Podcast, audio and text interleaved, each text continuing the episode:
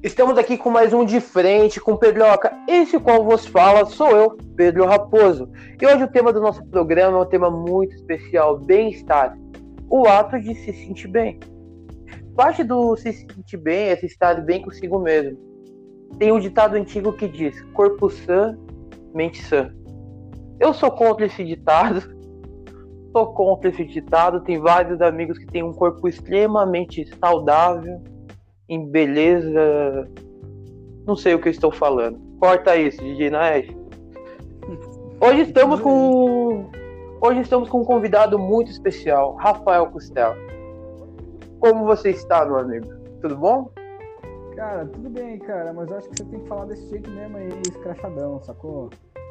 Realmente eu, é, eu lido, trabalho com saúde, cara, mas é realmente às vezes você vê pessoas com corpos bonitos e mente completamente vazia ou cheia de muita futilidade.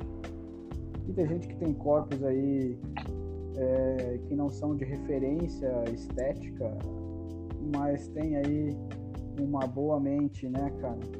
E aí, como é que faz o equilíbrio dessa mente sã e corpo são, né, cara? Você não tem que ter um corpo saudável, não, mano. Você tem que ter um corpo que você pode se mover, que você pode pular, que você pode rolar no chão, que você pode levantar sozinho, sacou?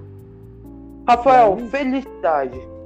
Felicidade. Defina felicidade para mim. Cara, felicidade é você poder cair e conseguir levantar, mano. Sabe como? Cara, felicidade é você olhar para a tua volta e ver já que tudo que tu precisa já tem, né? Se você precisa de trabalho, cara, tu vai correr atrás, tem. Você precisa de saúde, opa, se você não tem nenhuma doença aí já aí que tá te matando, você pode melhorar sua saúde com atividade física, com comida. Para mim isso é felicidade.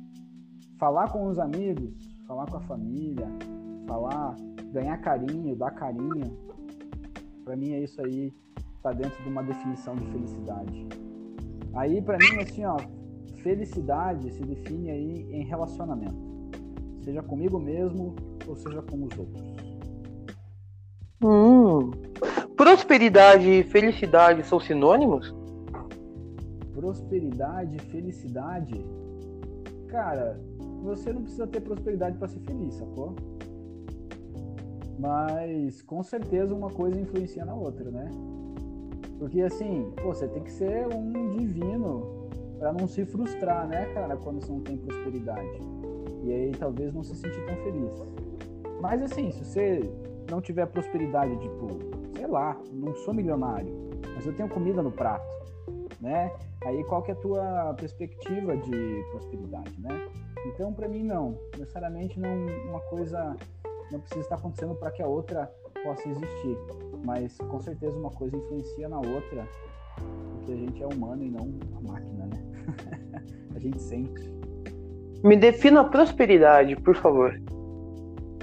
Prosperidade Cara, prosperidade é você olhar para o que tem e com o que tem desenvolver algo que possa te botar pelo menos ali uma comida na mesa, sacou? É... A prosperidade é você usar as ferramentas que estão na sua mão, que estão próximo de você. Imagina você assim, ó. Você sabe pintar uma parede, você sabe é, usar um software de edição de vídeo e você sabe fazer sushi. Chega um dia que você tá sem trabalho, tá com fome, precisa de dinheiro para pegar o ônibus, sei lá, pagar uma conta, enfim. E aí você fica em casa rezando: "Ah, meu Deus, me manda aí prosperidade". E aí daqui a pouco ele vai te dar um tapa na tua cara e falar assim: "Se liga, você já tem três habilidades vai procurar aí algum trabalho em relação a elas, né? Pode não ser aquela que você quer, mas você já tem a prosperidade na tua mão. Meu compadre, eu pintaria uma parede, eu pintaria uma parede, faria um grafiato.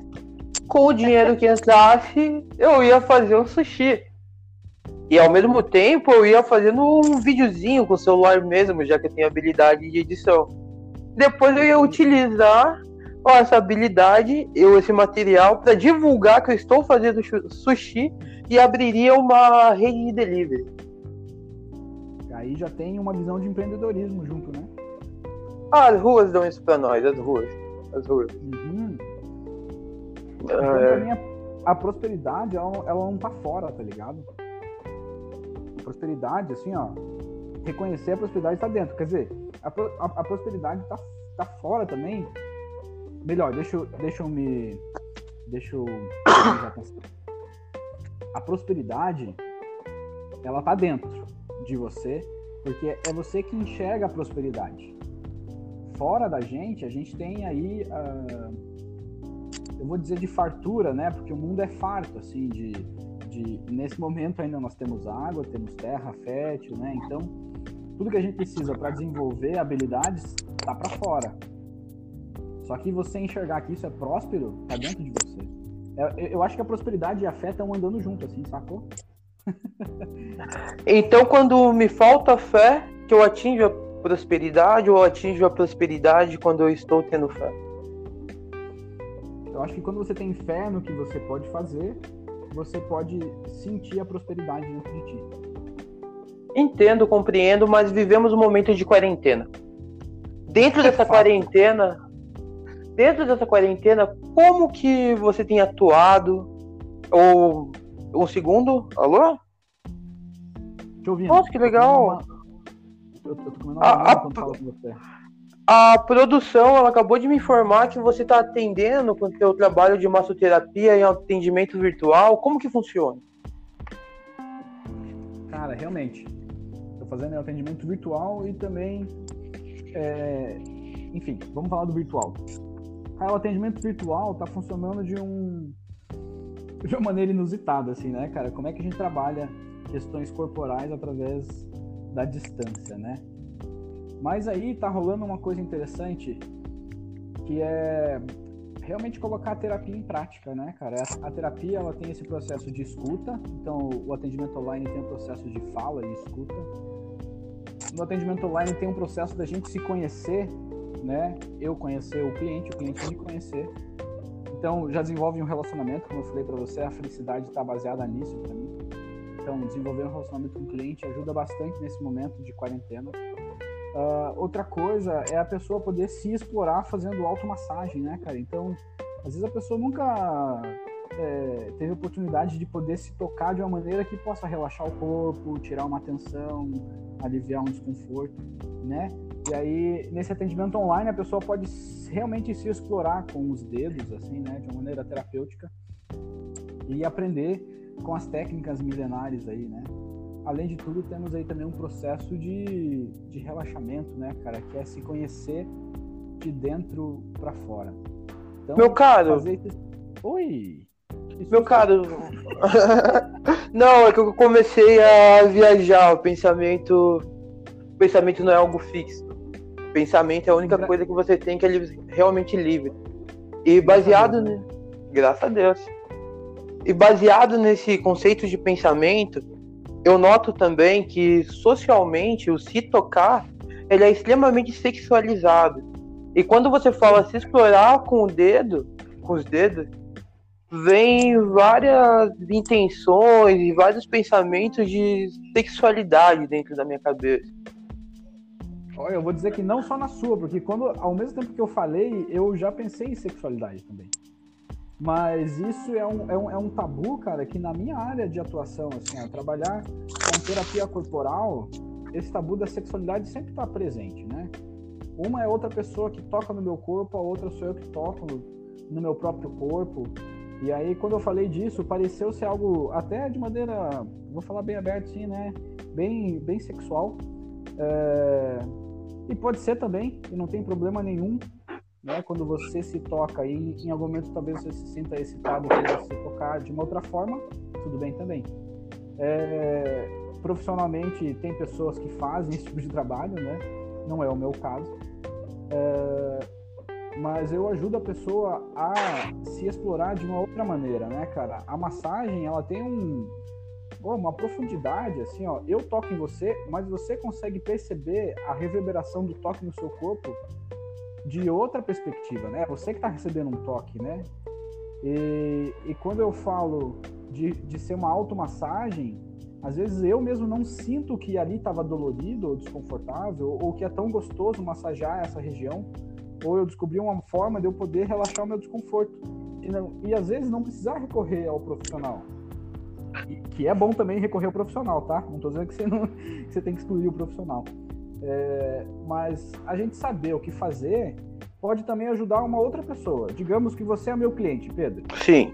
Né? A, gente, a gente fez aqui um atendimento e você aprendeu a fazer massagem no seu próprio pescoço para relaxar a tensão aí no final do dia, né? De estar tá trabalhando no computador, ou do, de uma gravação, ou de foto que você faz. O, o seu ombro, o seu braço, o pescoço, está tudo desconfortável.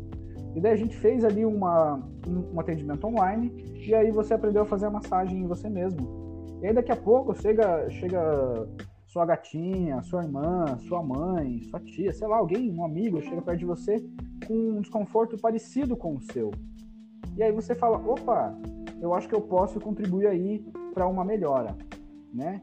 Então esse trabalho online, assim, Pedro, também ajuda as pessoas a poderem se capacitar em ajudar outras pessoas, uhum. né? Se te, se te fez bem e você você pode reproduzir isso para outro.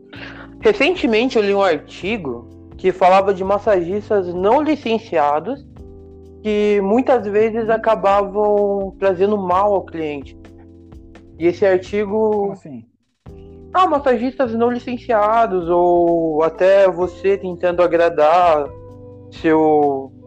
Seu namorado, namorada, seu parceiro, você acabar com o toque machucando em vez de tratando, sarando, aumentando a dor. Fale um pouquinho a respeito. Cara, isso, essa pergunta e essa observação é, é muito legal, Pedro. Porque quando eu estava estudando massoterapia, uma das coisas assim que uma professora falou e eu fiquei, fiquei meio de cara, assim, né? Ela falou assim, ó, para ser massoterapeuta, você tem que ter a mão de massoterapeuta, né? Puta, eu fiquei pensando, porra, então. É, então quer dizer que alguém que tem uma mão grossa, áspera, né? É, não pode fazer massagem? Não, claro que ela pode fazer massagem, mas trabalhar profissionalmente como, massa, como massoterapeuta, talvez para ela ela vai ser meio desvantajada, é, não vai ter tantos clientes que gostem daquele toque. É, agora falando sobre aí é, profissionais não qualificados e não certificados, né, Isso aí é tem que tomar atenção, assim, né, cara? Primeiro, assim, como é que o profissional te, te recebe, te acolhe, né? E depois, se você se sentir desconfortável, cara, melhor nunca mais voltar, né? Ah, uh... Aproveita. Calma aí. Sim. Calma aí, calma aí. Aí que você... Eu, tô construindo aqui um raciocínio, Pedro, para chegar na pergunta que você me fez. Né? Então, o profissional não, não certificado, cara, é um problema, mas é difícil a gente descobrir como é que ele não é certificado. É, é claro que você pode pedir o diploma dele, enfim, mas não vai ser por aí. É, acho que eu me perdi na resposta, Pedro. Você pode, pode retomar aí, Tia. Uh, voltando. Eu queria aproveitar esse gancho de desconforto e entrar num outro assunto. Desconforto social. Como a massoterapia e o, e o conhecer o seu próprio corpo, ela pode ajudar com desconforto social. O se tocar, o se sentir, isso ajuda? O que, que você acha? Qual a sua, sua opinião? Cara, essa é uma reflexão profunda, hein, cara? Como, como que o toque pode, pode ajudar na, nessa. É, como, é que, como é que se disse? Na questão do desconforto social, você chegar no ambiente, não se sentir aceito, mas é muito, mas muito disso é por si próprio. Eu conversei ontem num episódio do podcast com a Mônica e ela tocou muito nesse assunto, desconforto social, que ela sente vários desconfortos sociais, até por ser mãe, que ela tá aprendendo a se conhecer e se conhecer na função de mãe. E aí eu fiquei pensando nisso, no desconforto social, você falou mais cedo que o toque e a automassagem ajuda que nós nos conhecemos e conhecermos melhor nosso próprio corpo.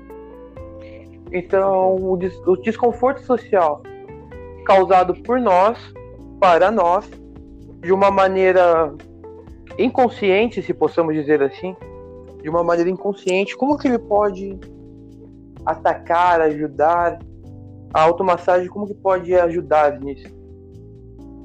Ó, Pedro, primeiro, assim, ó, o desconforto, ele nasce, né?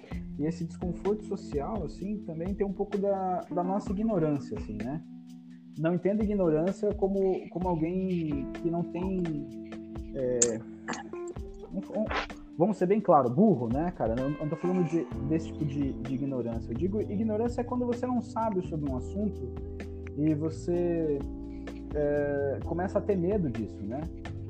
Deixa eu, deixa eu refazer isso, né? Eu vou, eu vou começar a resposta de novo, tá ok? Ok. É, tá. Então, esse desconforto social dentro da massagem, assim, né?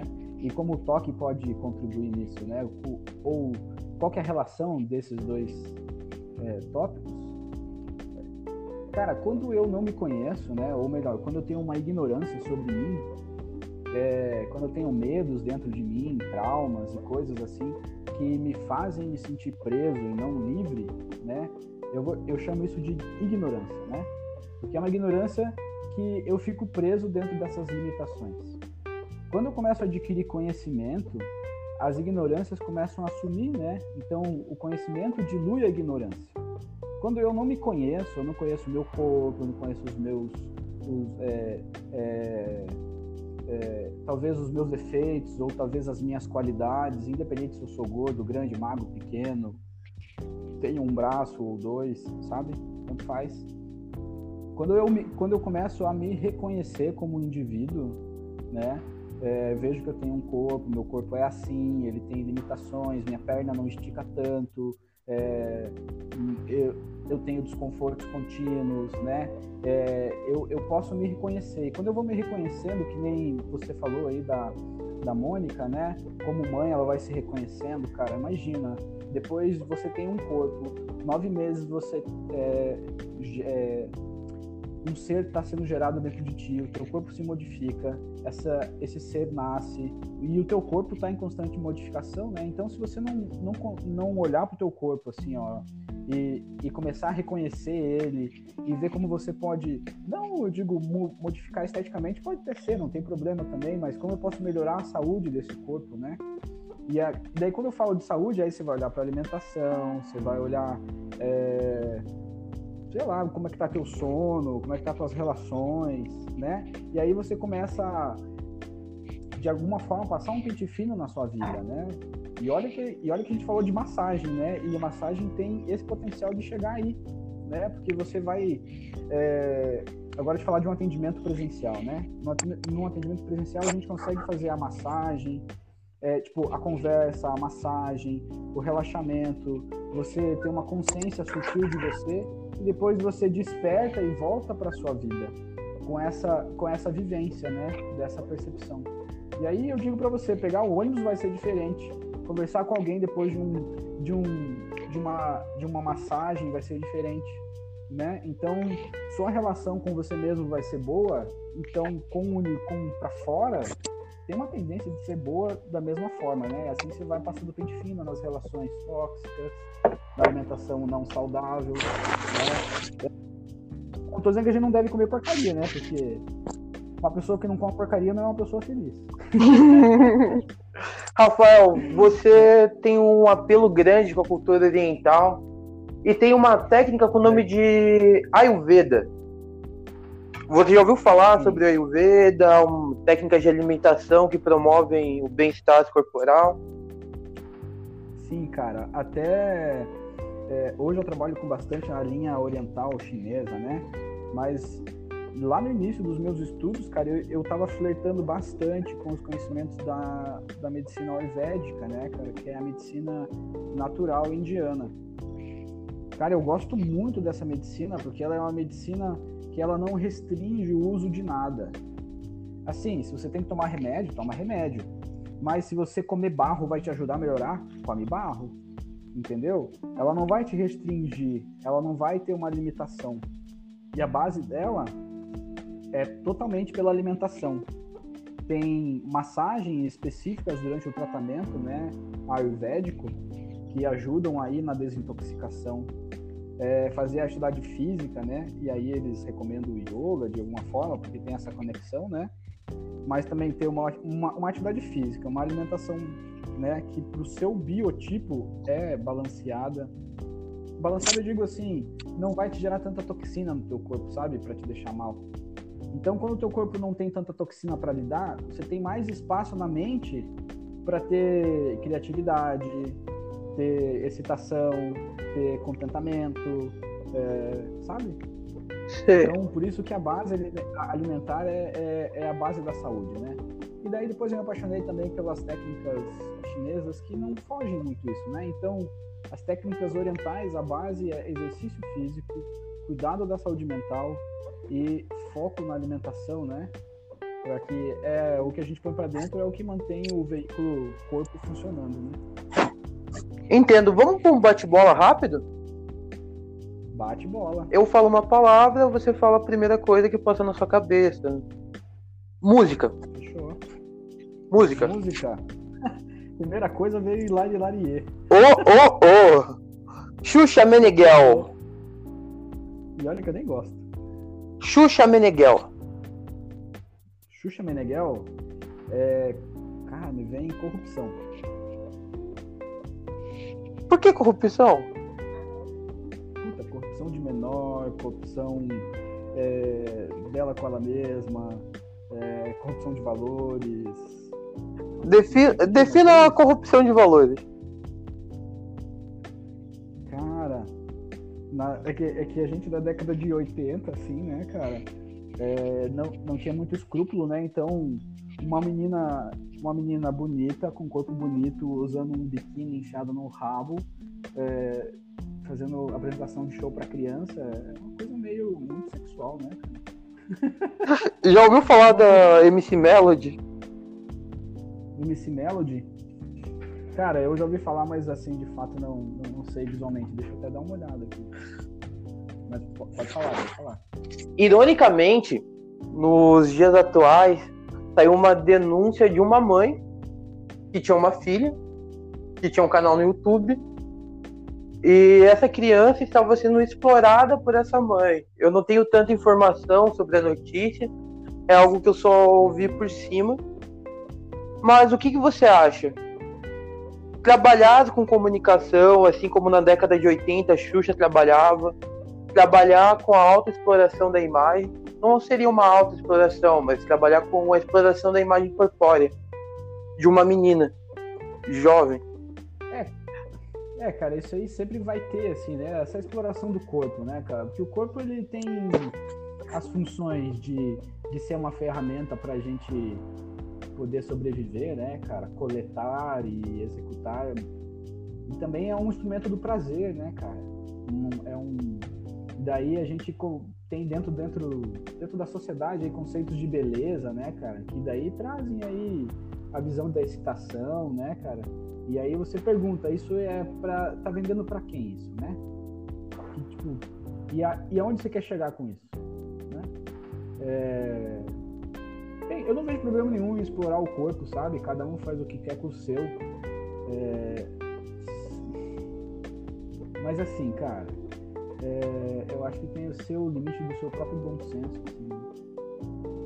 Bom Trabalhar senso. com o corpo hoje é. Mas o que é o bom senso, né? Justamente, é o que eu ia pedir, defina bom senso. O que, que é bom senso? Sei lá, cara. Bom senso é aquilo que não, te, não, não prejudica tanto. Mas às vezes a gente acha que não prejudica e tá maltratando do mesmo jeito, né? Mas você acha que isso não é um reflexo de uma criação católica que demoniza o corpo, demoniza o prazer próprio, principalmente se você for uma mulher? Uh, sim e também não, sabe? É... Pô, cara, a gente não vê tanto homem balançando o rabo aí, você vê? Ah, cara. Particularmente. Já fui numas micaretas aí. Não, micareta sim, não, mas eu digo na mídia, cara. Ah, na é, mídia eu não vejo é... tanto. Na, na mídia é discrepante, assim, como o corpo feminino é o, é o que vende. Entendeu? Na mídia de massa sim, mas em novas mídias como o TikTok, que é um aplicativo de vídeo, você vê um monte de vídeo de cara dançando, dançando bem até. Com preparo corpóreo maneiro. Tá. E vende. Tá. Mulher também compra. Cara, compra sim, claro, cara. Porque o corpo gera prazer, né, cara? Eu, eu gosto de ver. Quem não gosta de ver um corpo... Quem não gosta de ver um corpo bonito, né, cara? É... Mas só que daí aí, aí, aí, aí que tá um, uma discussão que vai a longe, assim, sabe, Pedro? E daí tem um. Como a gente falou aí dos, dos indianos, né, cara? É, tem, tem uma parte dos estudos aí que, que diz assim, cara, de que quando o homem, é, seja homem ou mulher, dizer, quando o ser humano, vamos melhor dizer, né? Quando o ser humano ele se entrega aos desejos da carne, assim, ele, ele sucumbe à ignorância, sacou? Porque daí não consegue pensar mais com a cabeça, pensa com a bunda, entendeu? Entendi. Pensa, pensa, pensa, pensa com o pênis, sacou? Pensa com o pau. Esse pensamento é, é indiano? Essa é uma reflexão que vem de Vedanta, né, cara? Que é um estudo dentro da filosofia indiana aí, né? Vedanta é indiano? Vedanta vem, da, vem dos Vedas, que é da Índia. Uh, o Kama Sutra, né? ele não é indiano? Kama Sutra, ele é um texto dentro, ele é um sutra. Sutra são textos, né? São versos, né? Porque os indianos eles escrevem é, os seus livros em forma versada, né, cara? Então, daí sutra são são versos. Kama Sutra está dentro de uma parte da filosofia que é Tantra. Kama Sutra, dentro dessa filosofia Tantra, assim, ó, o sexo dentro do Tantra, né? Ele é 0,0,2%. e aqui no Ocidente a gente dá como Tantra, como sexo, dentro dessa filosofia, como 90,5%, entendeu? Mas isso, é... isso não seria reflexo da sexualização oriental? Não, isso é um reflexo da sexualização ocidental sobre, a, sobre os textos orientais, sacou? Isso, isso é porque aqui no Ocidente, cara, o, o que a gente compra são módulos, pacotes, level, nível, entendeu? Entendi. Então a gente não, a gente não consome o, o contexto todo. A gente. Ah, yoga. Veio pra cá o yoga. Mas, né? Ah, exercício que é bom. Cara, mas o, o que vem pra cá é, 0 é, é 5% do que é o yoga, entendeu? Porque yoga não é você ir pra academia, ir lá passar uma hora, duas horas por semana. Yoga vai ser como é que, você, como é que você move a sua vida né? De, um, de, um, de, uma, de uma maneira que você consegue deixar mais harmoniosa, né? Por isso que eu gosto de capoeira. Isso, é, capoeira é... Nasceu aqui, então a gente vai pegar e vai ter uma vivência completa. É, porque... Por que não? Eu gosto bastante. Eu gosto, cara. Eu, eu, eu, não sei jogar capoeira, mas quando eu. Às vezes eu paro pra fazer uns exercícios físicos, assim, eu fico imitando alguns movimentos. Porque é gostoso, né, cara? É natural do corpo, parece. Sim, é... a gente já tem o swing. Rafael Costela, a gente tá chegando ao fim da nossa entrevista. Agora vou fazer uma pergunta antes de chegar na finalização, que é a pergunta que não quer calar. Como você se sente nesse momento? Como eu me sinto nesse momento? Isso.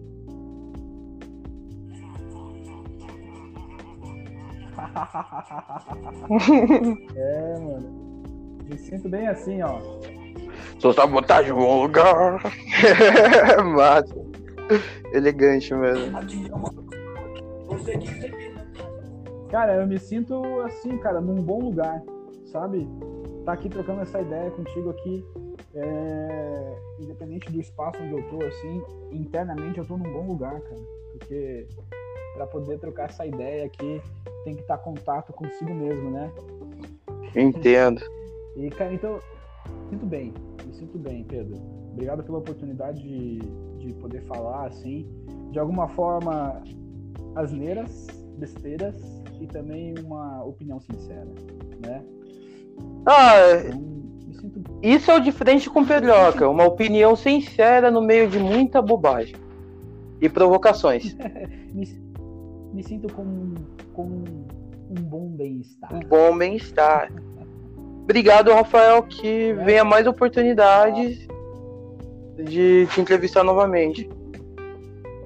Ah, vamos falar sobre outros assuntos aí, Pedro. Vamos sim. Só me chamar. Vamos esse parceiro. E esse é mais um de frente com Pedroca. Hoje entrevistando meu compadre Rafael Costela. Tamo junto, meu mano. Obrigado por tudo. E valeu! Até a próxima! Até.